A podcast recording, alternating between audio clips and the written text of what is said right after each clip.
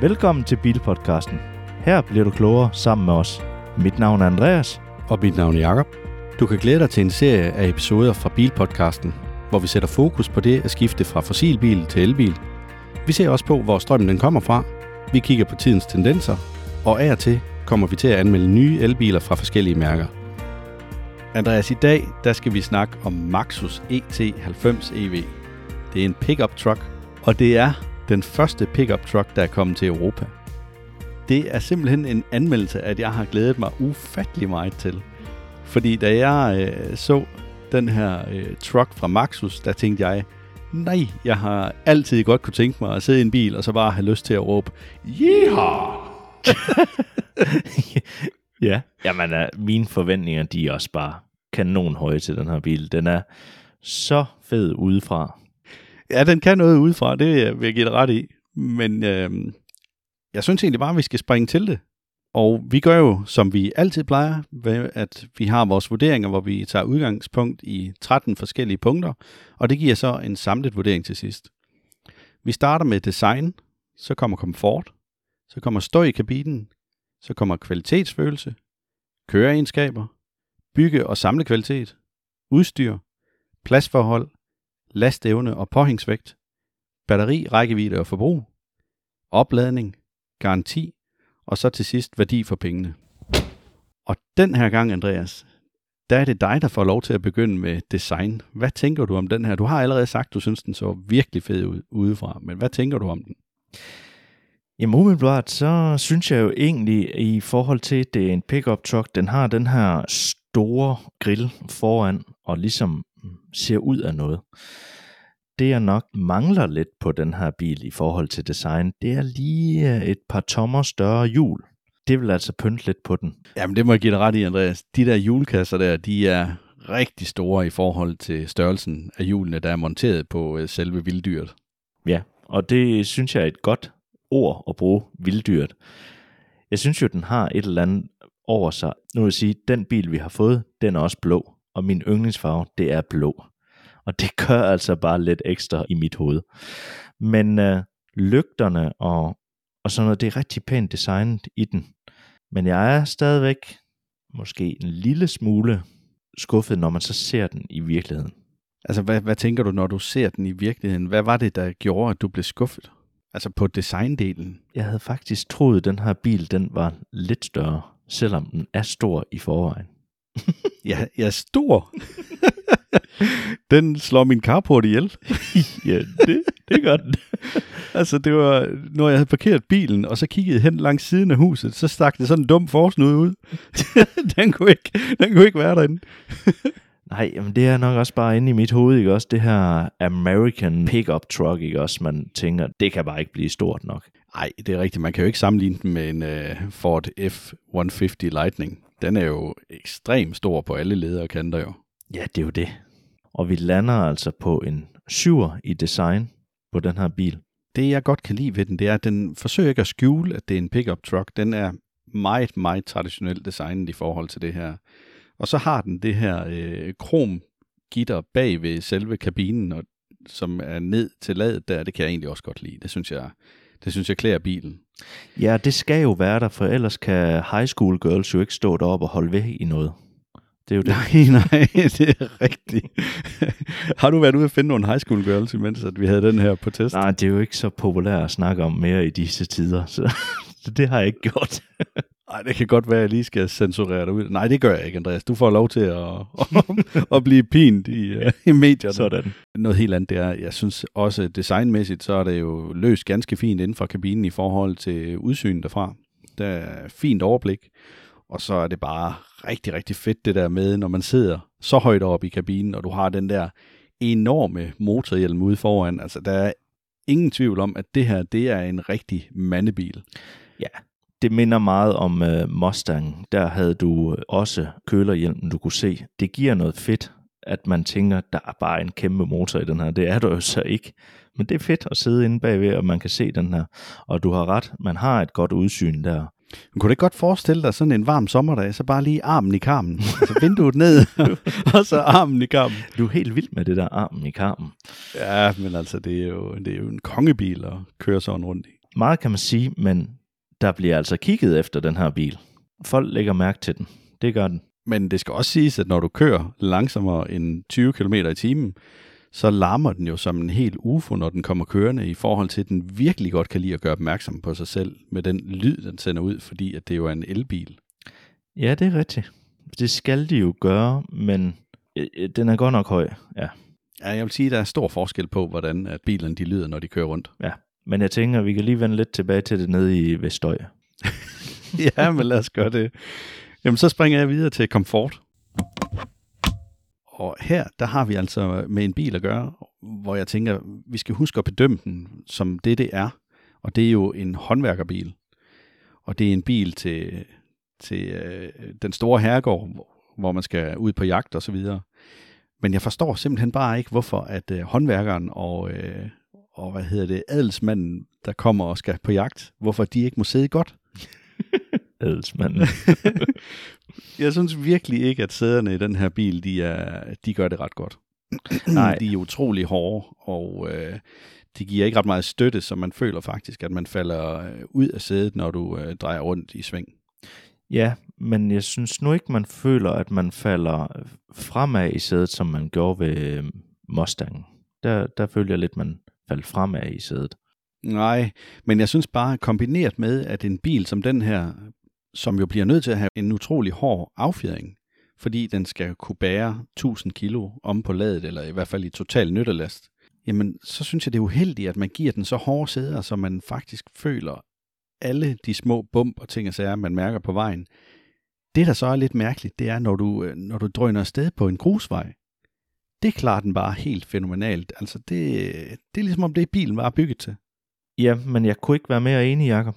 Fuldstændig enig. Den overrasker vildt på grusvej, men når du så kører på en almindelig vej, så, så kan du nærmest mærke de bitte små sten, der, der ligger der. Det er mærkeligt. Det er en vild oplevelse, at man kan mærke det i forbindelse med den her bil. Det synes jeg virkelig. Men vi havde så også begge to øh, det her med, vi, vi kørte lidt efter hullerne lige pludselig. det, det, det er den jo mega god til at absorbere. De store huller, det, det lægger man ikke så meget mærke til. Men de der... Ej, jeg, jeg vil sige, jeg kørte ikke decideret efter hullerne, men der er ikke løgn, når man sidder i den bil der, man får virkelig bare lyst til at lige at tage genvej hen over marken. Det er ligesom, om det tiltaler en, det der. Ja, Det der så er lidt ærgerligt, når man så tænker på, fordi nu bedømmer vi jo komforten til, til 3,5 giver vi den. Og det er jo lidt ærgerligt, når den nu klarer grusveje så godt, som den gør. Men der er bare ikke ret mange veje i Danmark, som ikke er asfalteret, så derfor så kan vi jo altså ikke øh, lade den få en højere karakter, fordi den er god på en grusvej. det vil være tavligt at give den højere. Ja, men, men en sidste ting, Andreas, som vi mangler at komme ind på, det er det her med, at vi havde oplevelsen af, og det var os begge to, der havde oplevelsen af, at rettet, det var placeret cirka 3 cm til venstre for sædet. Og det bliver en lille smule belastende sådan hen over tid. Det er virkelig underligt, men, men jeg er ret sikker på, hvis vi satte en vinkel på det sæde der, og så ned til rettet, så var det forskudt cirka 3 cm. Altså, jeg, jeg tror så, det er for, at øh, håndværkeren har plads til tomstokken. ja, men det lader vi det blive ved. Kan du så øh, komme ind på lidt om støjen? Ja, lad os snakke lidt om støjen, fordi altså den her elektriske Maxus, som er elektrisk og burde ikke larme særlig meget, den larmer faktisk ufattelig meget.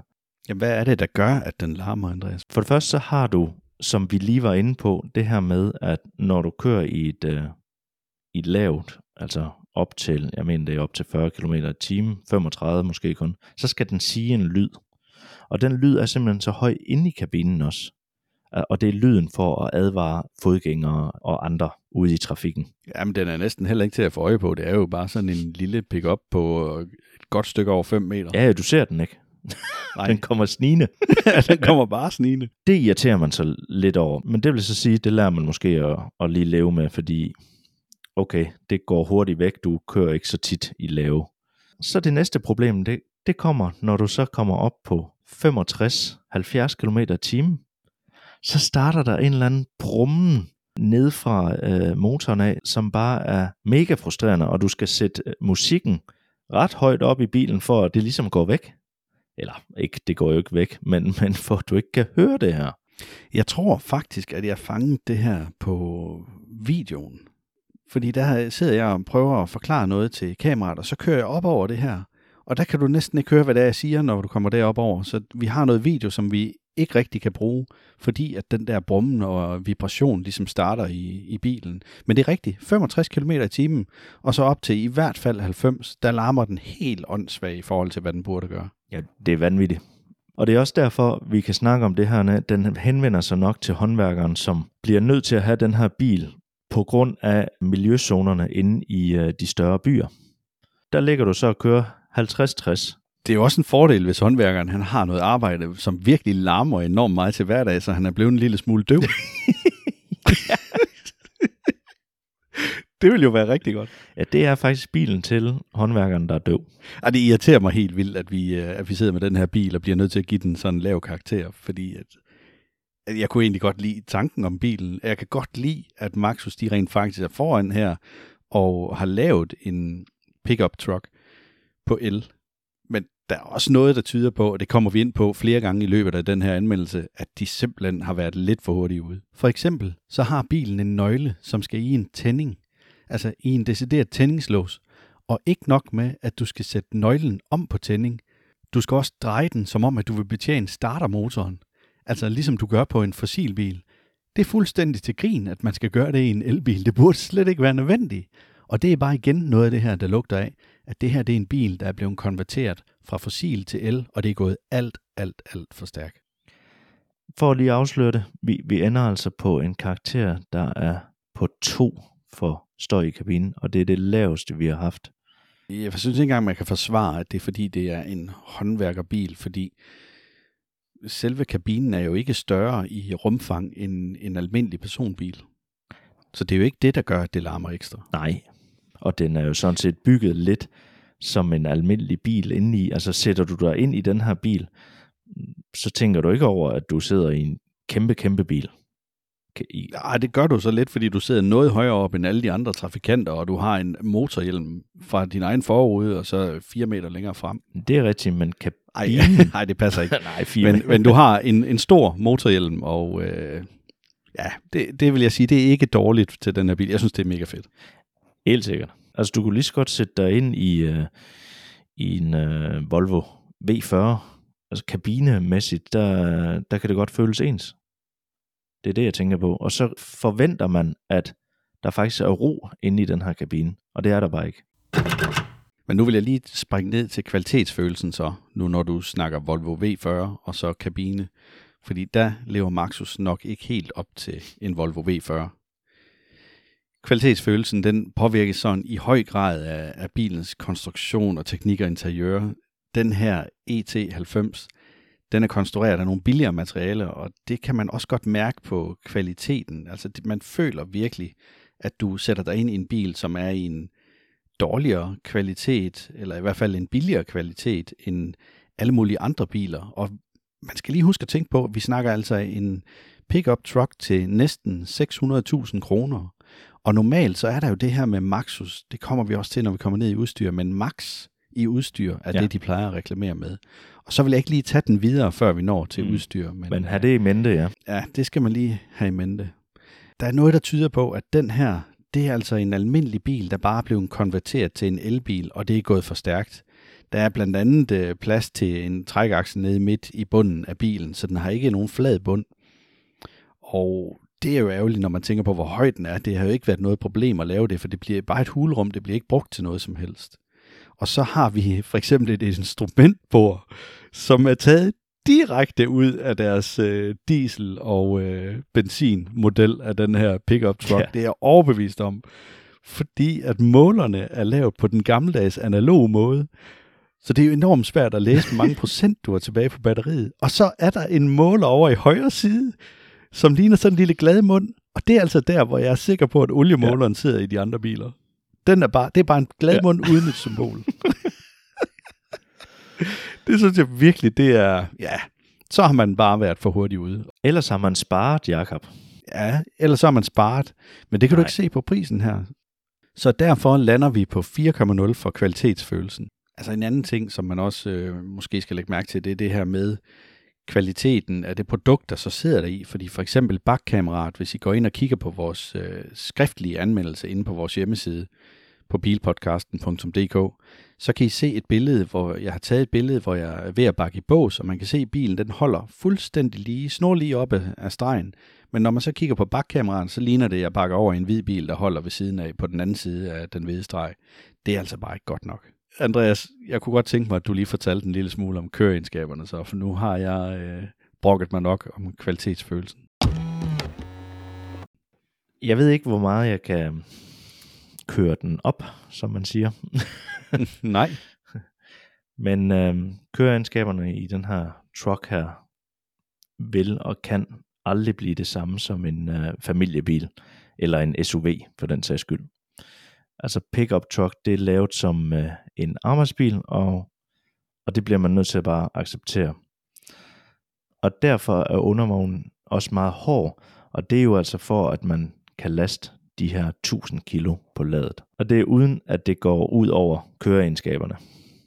Det er lidt skuffende, at den her pickup truck, den ikke kommer med firehjulstræk til den pris.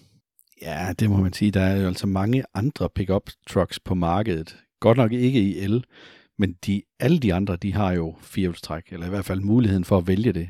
Og det er jo prismæssigt noget nær det samme, hvis du sammenligner bilen uden afgift, vel at mærke. Fordi den her, den har jo altså nærmest ingen afgift på, før du ryger op på de der 420 eller 450.000 kroner. Så det er jo kun de sidste 150.000 cirka, der er afgift på. Det sidste, jeg lige vil nævne her, Jakob, det lyder helt sindssygt i min verden. Men du har en topfart på den her bil på 120 km i timen. Skrives der. Den er reelt kun 117-18 km i timen. Ja, for vi målte det på GPS. Ja, og jeg, jeg fik det til 17, du fik det til 118. Eller, undskyld mig. Du, jeg fik det til 117, og du fik det til 118 km i timen. Ja, og det tager jo et stykke tid at komme derop. Hvis vi lige skal ind på lidt om øh, præstationerne for den her bil. Skal jeg lige øh, nævne de øh, fantastiske tal? Det må du meget gerne. En god acceleration fra 0 til 50 på 3,3 sekunder.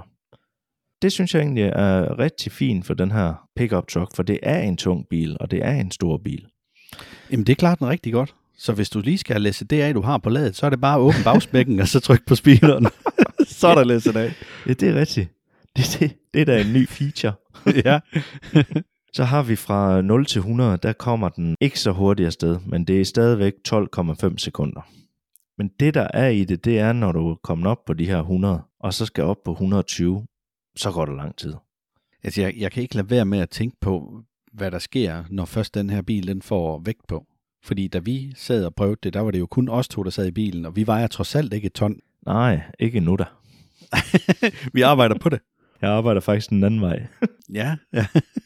Hvordan går det så med det? Jamen, øh, jeg er da kommet under, under 0,1 ton. det, er, det er flot. Skal vi til at lave en uh, ugenlig opdatering på det også i podcasten? Nej, det tror jeg ikke, folk gider at høre på. Nej, så lader vi være. Så lader vi være. Sommer summarum i det her, det er altså køreegenskaberne for 3,5. Det er en fuldstændig spot on. Ja. Hvis der er nogen andre, der bedømmer anderledes, så øh, har de jo gjort det forkert. Helt sikkert. så må du gerne tage bygge og samle kvalitet, Jacob. Vi har været lidt inde på det før, men Maxus er altså den første elektriske truck i Europa. Men jeg kan bare ikke forstå, hvorfor håndværkerne de ikke må få en færdig udviklet bil at køre i. Altså, der er simpelthen så mange mangler på detalje og opmærksomhed. Og dårlig færdiggørelse i produktionen viser sig blandt andet på den her krombøjle, der er bag ved bilen, som allerede er begyndt at ryste her i det danske klima. Det synes jeg er ret vildt. Det er jo ikke en bil, der har været her i fem år. Den har været i Danmark i et par måneder, og nu er der rust på den der krombøjle. Det synes jeg er skræmmende. Men ja. det skal så lige siges, det er kun der, at vi har fundet rust. Vi har ikke fundet det andre steder, og det ser generelt ud til, at den egentlig er skruet godt nok sammen. Vi kan bare ikke lade det her gå ubemærket hen, så derfor så bliver det nødt til at trække noget fra. Ja, altså der er jo ingen high school girls, der vil tage fat i en, i en rusten pind. Nej, det vil de jo ikke. Så kommer fingrene til at lugte gamle jern, og det dur der ikke. Nej. Men heldigvis kan man så sige, at Maxus de har en ret god garanti, Så det kan i hvert fald være med til at fjerne den største frygt for det her. Men alt i alt, så bliver vi altså nødt til at give den en vurdering på 4 ud af 10 for samlekvaliteten på grund af brugen af de her billige materialer og den manglende opmærksomhed, der er på detaljer i produktionen og generelle holdbarhed over tid. Det kan man jo kun gisne om i forhold til, hvad vi har set. Men det er i hvert fald det, der er med til at påvirke vores opfattelse af, hvordan at vi føler, at den her bil den er blevet bygget, og hvordan kvaliteten sådan generelt er i forhold til samlekvaliteten. Men det skal selvfølgelig bemærkes, at det kan også godt være, at vi har haft en uheldig bil, og det lige er den, der har det her problem. Men vi bliver nødt til at give karakter ud for den bil, at vi har til rådighed. Og derfor lander vi på 4,0. Og sådan gør vi jo altid. Sådan gør vi altid, ja. Andreas, hvad så med udstyr? Er vi så benovet her, fordi det er jo en elbil, de plejer at have masser af udstyr, og Maxus, det er jo max udstyr. Jamen ja, og vi flyver helt op og ned i bunden. helt op og ned i bunden? Ja, fordi at øh, vi har snakket lidt om, om det her Maxus, og, og jeg synes næsten selv, du skal sige det, for det var dig, der fandt på det. Så. jeg, jeg ved ikke, om vi får lov til at låne en bil af ASA i Danmark, hvis jeg siger det. Nej, men jeg, jeg synes, den var sjov. Den, den skal næsten med. Nå, okay. Altså, den her bil, det hedder, den hedder jo Maxus ET90 EV for Electric Vehicle. Men jeg tænker egentlig, at den lige så godt kunne hedde minus ET90 EV. Og det er altså fordi, der bare ikke er nok udstyr i for pengene. Når man tænker på, hvor dyr den her bil den er, og hvor meget udstyr man er vant til at få fra Maxus, så synes jeg, det er skuffende, at vi kommer over en bil, hvor der er så lidt udstyr i. Fordi det er jo det, de altid har spillet på, og altid har gjort godt i deres andre biler. Jeg synes, den er så god, den der. Men den her bil her, du, man sætter sig ind i den og tænker, okay, det er koldt i bilen, jeg vil gerne have noget sædevarme på. Den har ikke sædevarme. Det synes jeg bare er en standard ting, sædevarme. Det burde ikke komme nogen biler i dag uden sædevarme. Men udover det, så har vi infotainment-systemet, som er meget, meget langsomt og, og slet, slet ikke flydende. Du kan dog afhjælpe det her ved at bruge Apple CarPlay. Og det gør jo så, at den bruger øh, telefonens lille computer i stedet for. Og så kører det noget mere smooth. Men den her bil, den har desværre ikke Android Auto. Så det er jo halvdelen af befolkningen, der kan få glæde af det. Udover det, Jakob var lidt inde på det med, at der er en nål, der viser procentene. Og inde i displayet, der har du en, der viser, hvor mange kilowatt du bruger per kørt kilometer. Den går ikke højere end 39,9 kilowatt. Nej, så vil den ikke vise mere. Nej, det er igen, hvor jeg tænker, okay, de mangler lige at få styr på, at det her det ikke er en brændstofbil mere. De skal lige have oppet sig lidt der. Det man kan sige, den har, det er da, at du kan justere sidespejlene med el, og du kan faktisk også justere din, dit sæde med el. Det er positivt. Men udstyr, det er jo også sådan noget som lygter. Og den her pickup truck, vi har godt nok snakket om, det var til håndværkeren i midtbyen, men jeg tænker jo også, at den er perfekt til godsejeren, der har asfalteret veje, eller meget. asfalteret veje. Jo jo. det er det store gods. Det er jo det. Men der mangler man altså nogle ordentlige forlygter. I den her bil, der har de brugt helt almindelige pærer. Der er ikke nogen LED-lygter i. Og det kan altså ses på det her lys. Jeg vil faktisk våge at påstå, at min Ford Fiesta fra 2013, den giver et bedre lys med dens forlygter. Jakob, har jeg glemt noget på udstyret? Ja, du har jo glemt noget af det, den ikke har i hvert fald. Jamen, det er også det. Men der er jo også en relativt lang liste. Men jeg synes da, det er en kæmpe mangel, at den ikke har fartkontrol. Det er rigtigt, ja. Ja, den her bil har simpelthen ikke fartpilot. At da du kom ned til mig, og det siger lidt om vores form, men der siger du til mig, at du har simpelthen ondt i benene. For, fordi at du er vant til at køre med fartkontrol, og det kunne du ikke i den her. Du skal ikke engang skifte gear, Andreas. Hvad sker der? Jamen det... altså igen, min Ford Fiesta, den har fartpilot. Ikke? det er mange, mange år siden, jeg har haft en bil uden fartpilot, og, og jeg er sådan en person, der bruger det i byen. Jeg, jeg altså bruger det overalt. Jamen, det er også øh, drønsmart at gøre, fordi du slipper dig for mange af de her forskellige bøder, du kan risikere at få, fordi du ikke lige lægger mærke til, hvor hurtigt du kører. Og nu den her bil, den kommer jo vanvittigt hurtigt op på de her 50 km i timen. Det, skal, det kan man ikke tage fra den. Nej. Men altså mangel på fartkontrol, det synes jeg er en katastrofe. Men der er jo så heller ikke så noget som trådløs opladning og alle de andre ting, som man egentlig forventer af en elbil efterhånden. Og det er måske også det, der straffer den lidt ekstra hårdt her. Ja, den har egentlig ikke noget, øh, som sådan er overdreven i udstyr. Den, den har det helt basic udstyr, som man vil finde i øh, den billigste, billigste bil. Den har jo nogle ting, som... Altså det her med, at den har el-indstillelige sæder, men ikke sædevarme. Det synes jeg var mærkeligt. Ja, det er dårligt. Altså, der vil jeg hellere have, at det havde været omvendt. Ja, helt sikkert. Da. Det er virkelig et underligt sted, at de lige lægger grænsen der. Men man bliver nødt til at gå ind på forhandlerens hjemmeside, og så finde ud af, hvad den her bil den har og ikke har. Fordi hvis du er ude i markedet efter at købe en pickup truck, og du gerne vil vise det grønne alternativ, eller vise, at du tænker på jorden, så er der jo ikke ret mange at vælge imellem.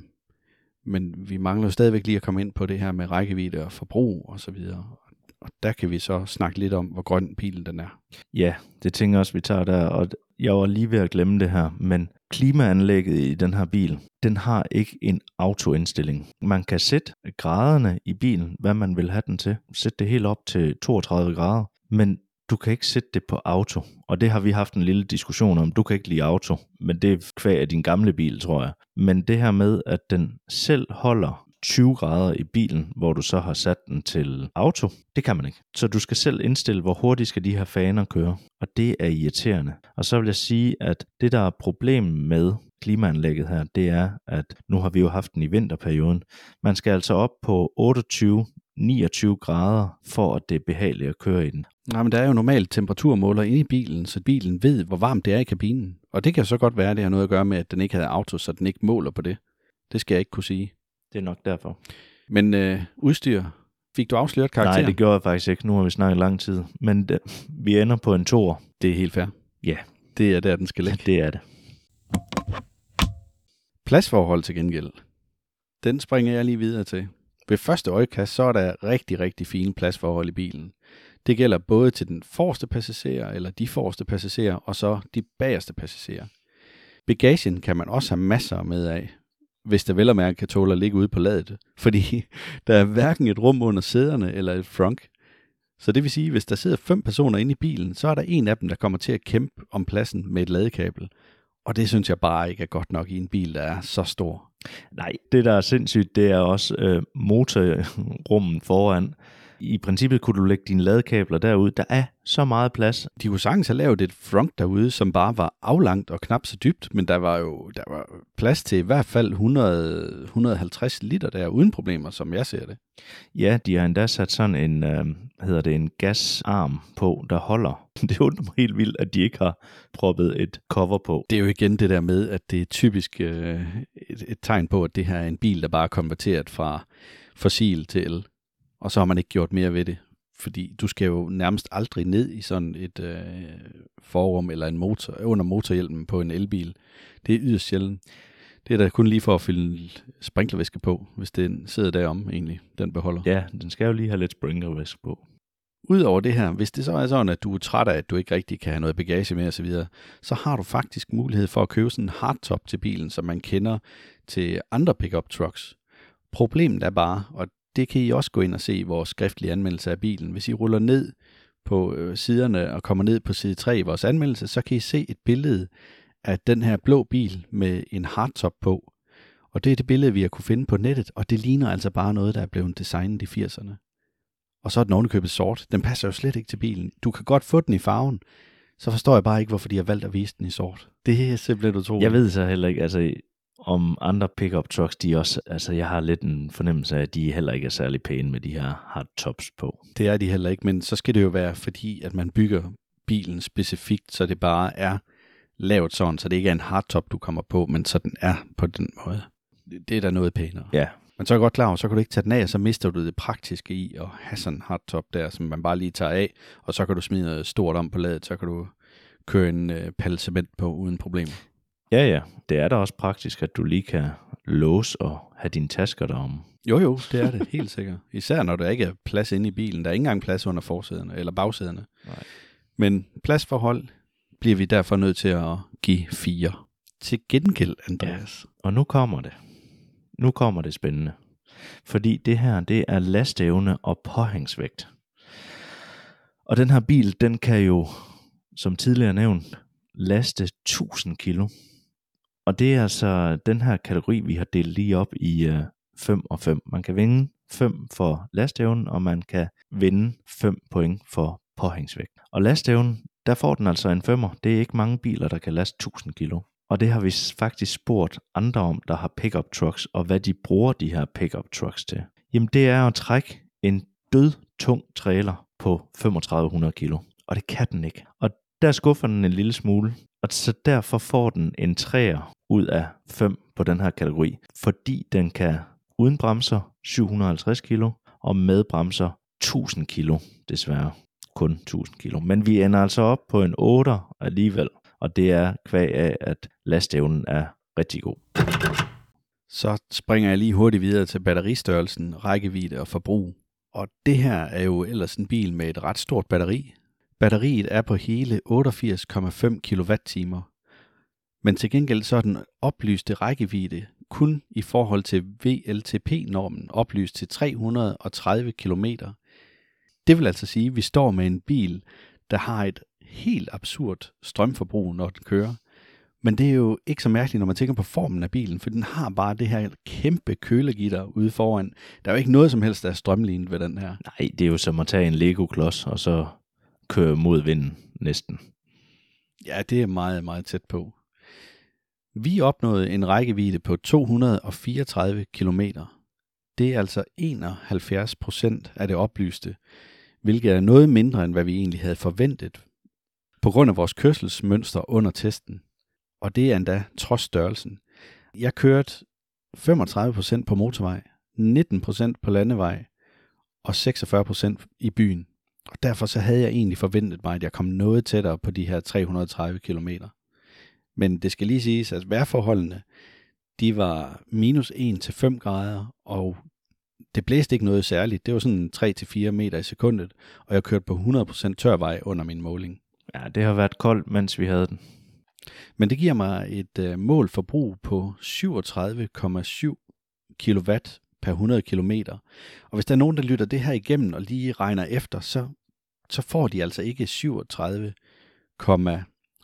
kW per kilometer, ud fra det, jeg lige læste op. Men det er fordi, vi først fik så ringe en måling, at vi blev nødt til at lave en måling nummer to. Og så tog vi så gennemsnittet for de to målinger. Fordi den måling, at du havde lavet, da du kørte, der var vi helt op og bruge 42 kWh per 100 km. Ja, du troede jo ikke på mig.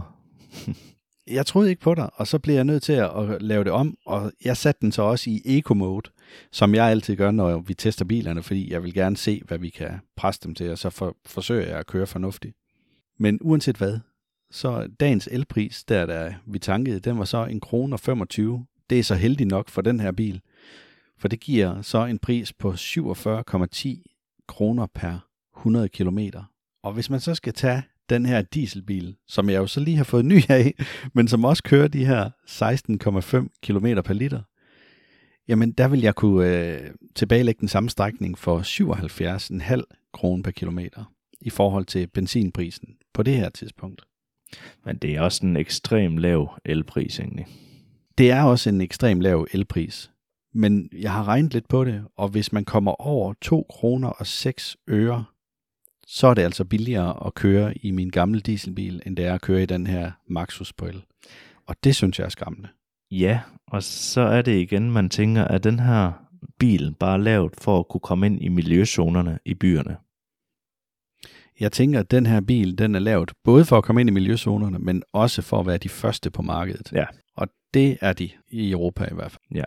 Men man kan sige, Ford F-150 Lightning, som også er kommet i en øh, eludgave, den er jo heller ikke pokkersko i forhold til strømforbrug.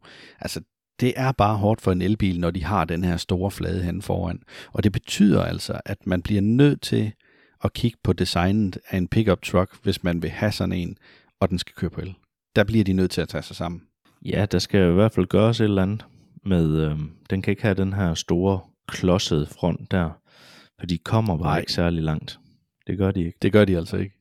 Men det her, det er så den absolut dårligste bil i forhold til, hvor kort den kører på strøm. Og den dyreste bil, der er at køre i på strøm, er alle dem, vi har testet. Jeg kender ikke nogen, der udnytter strømmen dårligere end den her bil, og derfor bliver vi nødt til at give øh, rækkevidde og forbrug 2,0. Ja, og det, det leder mig faktisk lidt hen til næste, som er opladning.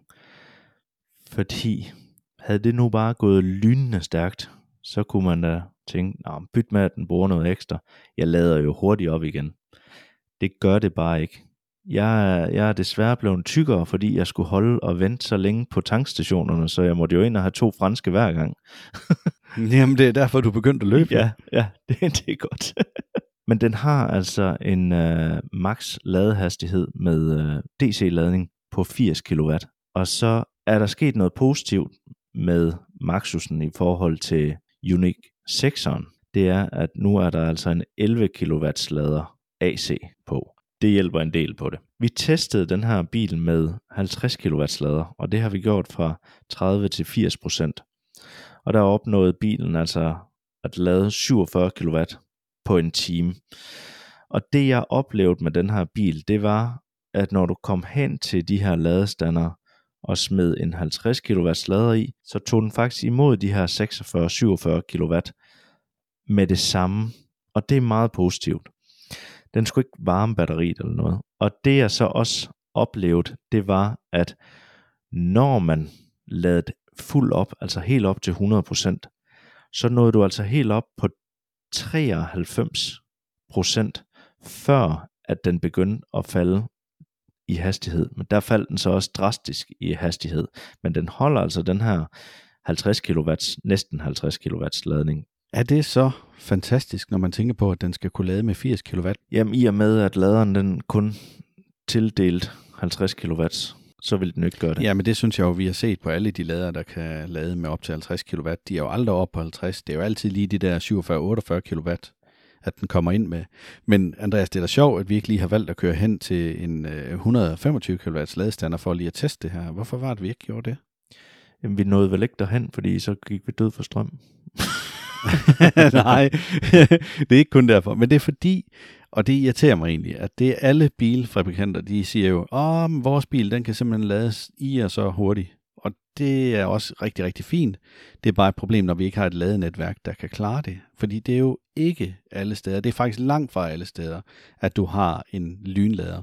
Langt de fleste steder, der må du altså nøjes med en hurtig lader, som lader de her mellem 50 og 100 kW. Og for det altså for de fleste steder, der er det jo 50 kW. Jeg ved godt, der kommer flere og flere lynlader, men vi er der altså bare ikke endnu. Så det er fint nok, at, øh, fabrik- eller at producenterne de siger, jamen min bil, eller vores bil, den kan lade med 200 kW i timen, men du kan bare ikke finde en ladestander, der kan levere det. Så hjælper det jo ikke. Nej, og det var faktisk sådan, at den her bil, der får vi jo normalt ladebrikker med, og vi havde fået med til Eon. Og Eon, de har lavet et eller andet øh, samarbejde med Q8, men øh, det samarbejde er åbenbart ikke kørt igennem på deres brikker endnu. Så jeg holdt faktisk ved en 150 kW stander. Man kunne ikke få lov til at lade med den her ladebrik. Men øh, opladningen, Jakob, vi lander på dam, en etter. Du er så Ja. skuffet, at du ikke siger noget. Nej, jeg, jeg, jeg er lidt tavs. Jeg må indrømme, jeg er lidt tavs. Jeg havde håbet på, at det her det i hvert fald var en af de steder, hvor der ikke var sparet, og hvor den havde klaret det bedre. Vi testede jo også spildstrømmen på øh, bilen, og der nåede vi altså desværre op på 2,11 procent. Og det er altså et middelniveau set i forhold til nogle af de andre elbiler, at vi har testet. Så er det jo heller ikke prangende. Og hvis man lader bilen på en lader derhjemme, fik du nævnt det, så var det 9 timer, at den tog om at lade op. Nej, det fik jeg ikke lige med. Der er en grund til, at øh, vi kun kan give den en. Det er dejligt, at øh, nogle biler, de bare når alle vores tal. ja, Næsten. ja ah, vi har ikke været op på 10 i den her. Nej, det er rigtigt. Vi har heller ikke været nede på 0. Den er jo ikke dumpet bragt, Nej. men den har godt nok været tæt på. Skræmmende tæt på, vil jeg Ja. sige. Til gengæld, der hvor det så spiller for Maxus, det er garantien. Fordi Maxus Danmark, de giver en fabriksgaranti på 5 år eller 100.000, alt efter hvad der kommer først. Og på selve batteriet gives der en garanti på 8 år eller 200.000 km. Det er altså forholdsvis godt, og derfor så giver vi den 7 for garantien. Value for money. Netop for den her bil, så er det altså umuligt at sammenligne den med konkurrenterne, fordi det er den eneste elektriske pickup, der er i Europa. Så hvis man vil eje sådan en pickup, eller køre så grønt som muligt, så som vi har nævnt tidligere, så er det altså Maxus ET90, som er den bil, man bør overveje. Men man skal også overveje, hvad det er, man ikke får med. Og blandt andet alt det, vi er kommet ind på ifølge med, med udstyrsoversigten derop. Men gå ind og snak med forhandleren, finde ud af, jamen, hvordan er det i det hele taget med bilen. Det kan også godt være, at du oplever en anden altså, har en anden oplevelse af bilen, når du er ude og prøvekøre den, men jeg synes bare, det er utrolig vigtigt, især med elbiler, at man får prøvet dem ordentligt af, fordi der er altså virkelig en verden til forskel fra den ene bil til den anden. Ja, og der, hvis man kan og kender en, der har en elbil, så spørg, om man må låne den en hel dag, for om, om det her overhovedet er noget for en, og om man kan vende sig til det her med ladning. Og vi har jo faktisk gjort det, at øh, du nævnte det lige tidligere, at du har været ude og snakket med en fyr, som har en pickup truck. Jeg har talt med to og været med ude og prøvekøre en af dem, for ligesom at have noget, altså et ordentligt sammenligningsgrundlag, fordi det lige netop er en pickup truck, vi skal sammenligne den her bil med. Og hvis man så for eksempel går ind på brugtvognsmarkedet og kigger, så fandt jeg to modeller. Den ene af modellerne er en Nissan Navara, en 2,3 liters diesel fra 21, og den kostede af nypris 679.900 kroner. Og her skal man altså tænke på, at det er en bil, hvor der er, den er fuld afgift øh, pålagt. Og jeg, der tog selvfølgelig udgang i en bil, hvor der kunne sidde fem mennesker i, ligesom der kan i den her Maxus. Og jeg fandt også en Toyota Hilux til 775.000, som var nyprisen for den dengang i 2021. Det kunne ikke lade sig gøre at finde en ny pris på en pickup truck i dag, da de ikke er særlig populære i Danmark. Til gengæld så de her to dieselbiler fra 2021, de må trække 3500 kilo på krogen, og der er væsentligt mere udstyr i, og det virker også til, at kvaliteten af det udstyr, der er der i, er noget højere. De kan, de, de kan faktisk mere, end Maxusen kan.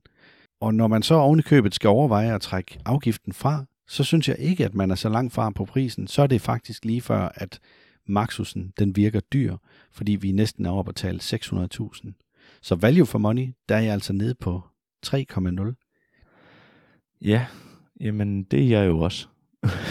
og det irriterer mig. Det irriterer mig med den her bil, fordi ja. det er jo lige netop en bil, som vi havde glædet os så meget til, og som vi godt kan se har en berettigelse på markedet, fordi der ikke rigtig er andre, så det gælder bare om at få bredt det her ud. Der er jo ikke ret mange varebiler endnu på øh, el.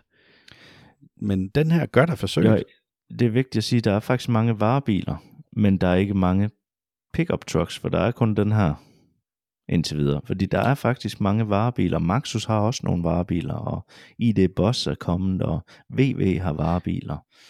Ja, ID Boss og VV, det er det samme. Ja, det, det er rigtigt. jeg, tæ- jeg tænker nu lidt på, på deres større, øh, de ældre varebiler, ja. Ja, okay. Og Ford er også kommet, og Mercedes er også kommet med en. Så, så ja, det begynder der at hjælpe på det, men øh, jeg synes stadigvæk udvalget det er småt. Ja, det er det bare. Jeg, jeg synes nu, det var unfair af dig at ligesom tage uh, Toyota Hilux her, Nissan Navara, og sige, at udstyret det virker. For det kunne jo måske også godt virke i Maxusen, hvis det var der, Jakob. ja, det er rigtigt. Det er rigtigt. Men det er igen derfor, vi bliver nødt til at trække ned i value for money. Det er fordi, det, den mangler simpelthen det der udstyr. Og når du giver så mange penge for en bil, så skal det være der. Det er min holdning til det, og den kommer jeg ikke til at ændre. Nej, og så ham, jeg øh, ligesom havde med ude og køre i den her for at få lidt input fra ham. Han havde jo også øh, drømt om den her bil faktisk. Han havde allerede kigget på den. Han var nok lidt det samme sted som os. Vi var jo meget, yes, en pickup truck, det bliver fedt det her. Det skuffede bragt, må jeg sige. Ja, men han startede jo egentlig med at være ret positiv i forhold til bilen, og synes, den var relativt kvik og så videre. Ja, og han har ikke kørt elbil før. Så på det punkt, så synes han faktisk, den her med, at den var hurtigt fra 0 til 50, det var fint. Rigtig godt den der. Men en anden ting, som vi også lige har med i mente her i forbindelse med det her value for money, det er sikkerheden. Fordi ET90, den er ikke blevet testet af Euro NCAP. Men der er en lignende Maxus D90, som de sælger i Kina. Den har fået 5 stjerner i en kinesisk AN-cap. Altså Asian Cap må det stå for. Men problemet er bare, at vi kan ikke helt sammenligne de her modeller. Fordi den har noget mere i udstyr end ET90'eren i Danmark har, og derfor så har den formentlig en højere score end den model, vi har testet. Blandt andet så havde den her model, vi har testet, jo heller ikke det her automatiske nødbremsesystem. Og det har alle biler næsten i dag. Ja, er det ikke også EU, der har bestemt, at fra, er det fra 24, at der skal bilerne komme med det her automatiske nødbremsesystem? Der scorer du lige en hjemmeopgave til dig selv til næste oh. gang, for det bliver vi da nødt til at være skarpe ja, på. det, det, det finder jeg ud af til næste gang til jer. det lyder godt. Men Jacob, inden vi lige runder helt af med den her Maxus, når vi så går igennem tallene og lægger det hele sammen, så kommer vi ikke højere op end 3,9 på den her total. Det er ærgerligt, og det synes vi jo begge to. Og det er simpelthen fordi, vi kan jo godt lide ideen om en elektrisk pickup truck, som kan køre ind i miljøzonerne, og du kan bruge den som håndværkerbil. Men det bliver altså en 3,9 for os af. Ja, jeg synes jo, det er lidt ærgerligt, fordi at det er jo nogle sjove karakterer, at vi er blevet nødt til at gå langt ned på. Og så, så står vi så også med en bil, en pickup truck, som virkelig skal kunne trække noget og slæbe noget, det er det, den skal bruges til. Det er en arbejdsbil. Og så kan du ikke trække ret meget på krogen. Det giver bare ingen mening. Den har ikke firehjulstræk, så du sidder fast i mudderet. Øh, ja, det, det er ærgerligt øh, lignagtigt for den bil her. Men jeg kan virkelig godt lide ideen om det, og jeg håber, at de vil forbedre den her udgave, eller deres næste udgave, sådan at, øh, at man kan komme til at give den en ordentlig bedømmelse, fordi her der er vi altså blevet nødt til at være lidt grove ved Maxus, og jeg håber da ikke, at øh, ASA i Danmark er fuldstændig færdig med at udlåne os biler, Nej. fordi at jeg ved, at de kommer med en, en Mifa 9 på et tidspunkt, som ligner en luksus øh, minibus, som jeg synes ser rigtig spændende ud i forhold til familiebiler, ja, eller større familier, som bare er træt af at køre i noget, som ikke er godt udstyret, og det ligner virkelig, at den der den er godt udstyret, så den kunne jeg godt tænke mig at kigge nærmere på. Ja, det var den, du nævnte i vores julespecial, ikke sandt? Jo, det var det. Ja. Men øh, jeg må da indrømme, at der håber jeg også, at de har fået gjort noget ved støj i kabinen og så videre, fordi at det kunne jeg jo godt se for vores tidligere Maxus, at den var heller ikke god med støj i kabinen. Nej, jeg synes også, vi simpelthen må, må lægge den der, Jacob, og så runde vores afsnit af, inden det bliver alt, alt for langt. Jamen, jeg kan da ikke lide, du, du lyder helt, øh, du lyder helt, som om du bare er nedtrykt og ked af det, Andreas. Du skal gå herfra og være glad og i godt humør. Jeg er lidt ked af det, fordi jeg har et meget ømt højre ben, som måtte holde speederen hele tiden. Nå, ja. ja, okay. Jeg ved, hvad der kan være med til at gøre dig glad. Ja. Og det, der kan være med til at gøre dig glad, det er, at næste gang vi anmelder en bil, så skal vi snakke om en Nissan Ariya. Og det er altså om 14 dages tid. Og det glæder jeg mig til. Det kan jeg godt forstå. Og en sidste ting lige her på faldrebet, som vi skal have med, det er, vi har snakket om, at lytterne de skal have lov til at være med til at bestemme, hvad for en bil, at vi skal anmelde i fremtiden. Og vi har fundet tre forskellige biler frem. Den ene er en Citroën C4X, så har vi en Volvo XC40, og så har vi en Jeep Avenger, som er den her årets bil i Europa. Tre biler, som øh, vi vil gerne vil prøve. Vi har ikke mulighed for at nå alle sammen, så derfor giver vi jer muligheden for at stemme på den inde på vores Facebook-side og Instagram-siden, hvilken bil vi skal vælge. Og så lytter vi selvfølgelig til flertallet. Tusind tak for i dag, Andreas. Det har været hyggeligt som altid, selvom at du var lidt ked af det. Jamen, det var kun benen. Men selv tak, Jacob. tak fordi du lyttede med. Gå ikke glip af næste episode. Tryk på følg eller abonner. Fortæl dine venner og bekendte om os. Det vil hjælpe os utrolig meget. Og kør forsigtigt derude.